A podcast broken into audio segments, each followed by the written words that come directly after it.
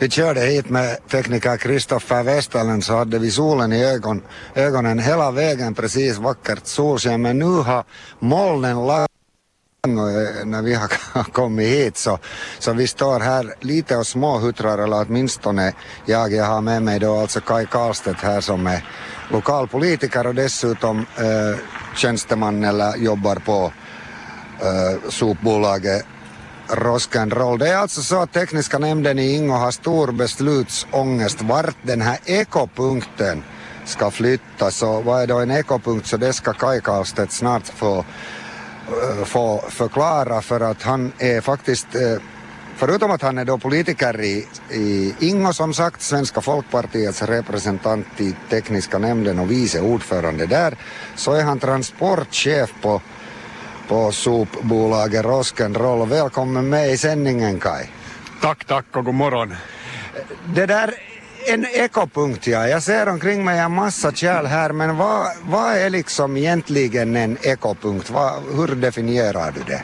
No, den här vanligaste ekopunkten, så den brukar, st standardmodellen är att det samlas in papper, glas och metall. Det är det här liksom eh, basen på dem.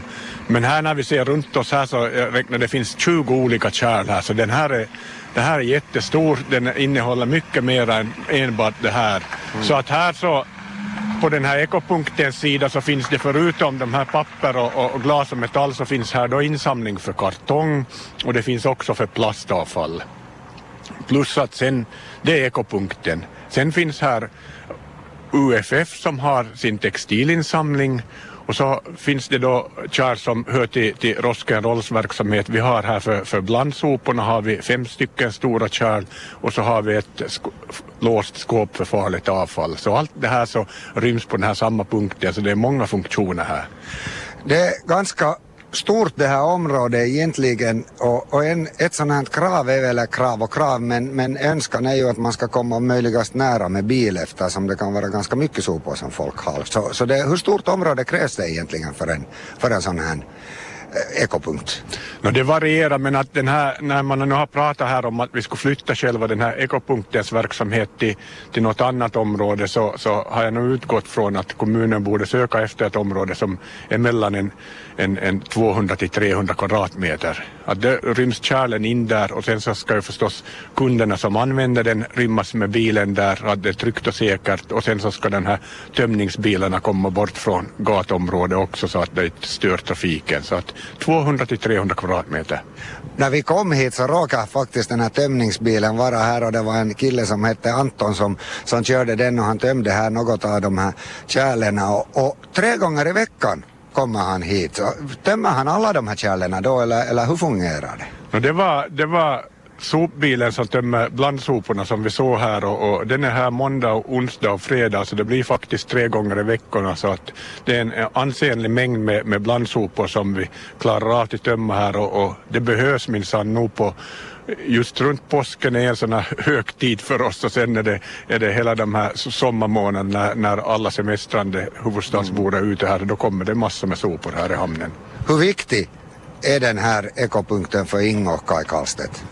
Nå, no, är det ju viktigt i den delen att, att om den inte skulle finnas så skulle det nog märkas att då så skulle det vara många sådana här fraktioner som man inte kan det här eh, återvinna här i Ingo. Att skulle den här helt försvinna så, så, så försvinner också samtidigt till exempel den här plast, plastinsamlingen, alltså de här plastförpackningarna, så det är enda stället som det samlas in här i Ingo så är här så att om inte den finns här så, och inte finns någon, hittas någon ny plats för den så, så skulle de som vill återvinna plastförpackningar som skulle få köra det till Karis eller till Kyrkslätt.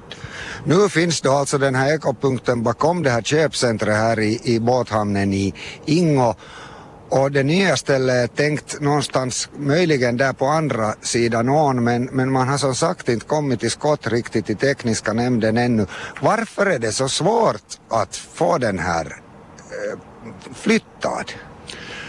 No, jag tror att det mest handlade om att den här beredningen har varit lite, li, lite brådskande där och, och, och, lätt att där är, där är just att, att godkänna den här nuvarande detaljplanen att det finns en sån här, ryms den faktiskt in där har man frågat sig i nämnden. Och sen är det, är det i synnerhet det andra alternativet som var på själva hamnområdet. Så där har nu sen funnits visioner för att vi skulle få olika sorts eh, ramper och, och lyftplatser för, för båtar, för båttrafiken där så att, att ryms allting in på samma ställe. Så det, det har varit sådana här frågor som man har ställt sig i nämnden. Därför har de eh, önskat att man remitterade till, till beredningen på nytt nu två gånger. Mm, vi återkommer till det om en stund. En springande fråga eller en viktig fråga här är ju förstås det att varför i all fridens eh, namn ska den flyttas? För jag tycker det fungerar riktigt bra här.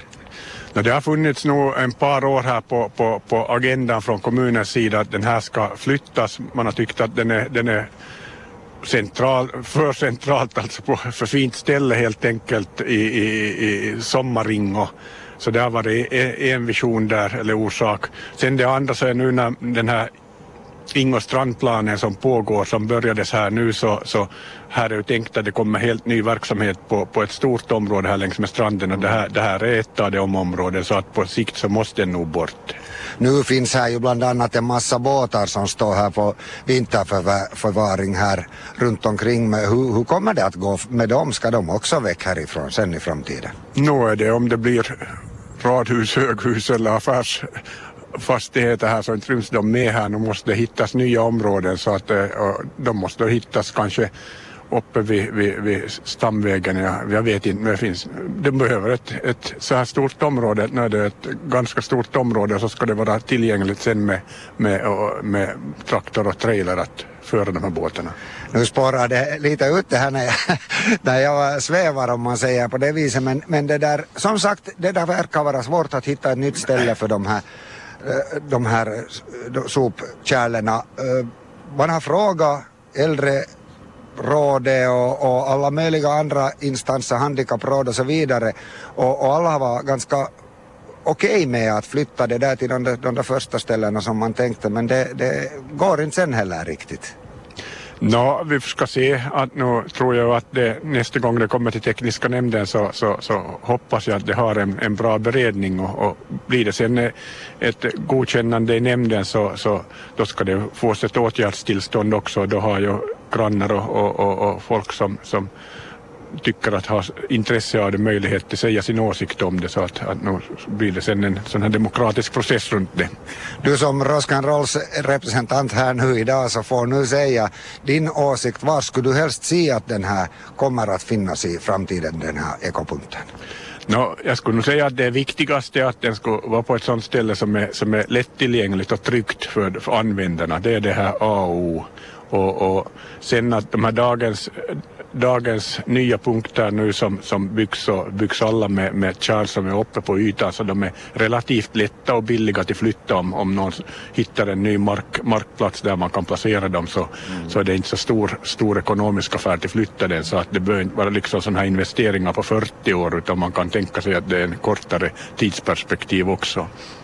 Det låter smart. Innan vi slutar härifrån så kan jag inte låta bli att fråga om det här Eh, att här som ekopunkten är nu så finns det faktiskt en kamera och jag vet att Kai Karlstedt emellanåt sitter och tittar i den där kameran och ser alla möjliga roliga saker. Varför är det viktigt att det här har kameraövervakning för här finns ju absolut ingenting att stjäla åtminstone. Nu finns det här sånt som är intressant och, och det är nog ofta när, när, när, när grannar och, och människor hör av sig till, till, till oss och till mig i synnerhet om, om någonting är besvärligt på någon punkt så, så det som de lyfter fram först är alltid att ni kunde ju ha kameraövervakning. Att människor tror nog också mycket på att det är bra och visst här händer sånt att människor som inte betalar för sig hämtar hit saker. Det hämtas hit sånt som inte hör hemma här och, och då är det med, med, med kameraövervakning effektivt sätt nog att få ta, ta tag i de här människorna och diskutera med dem lite mera. Då är det bilens registrernummer som är det där avslöjande no, jo, att, no, jo, att inte känner vi ju igen ansiktena på folk ännu.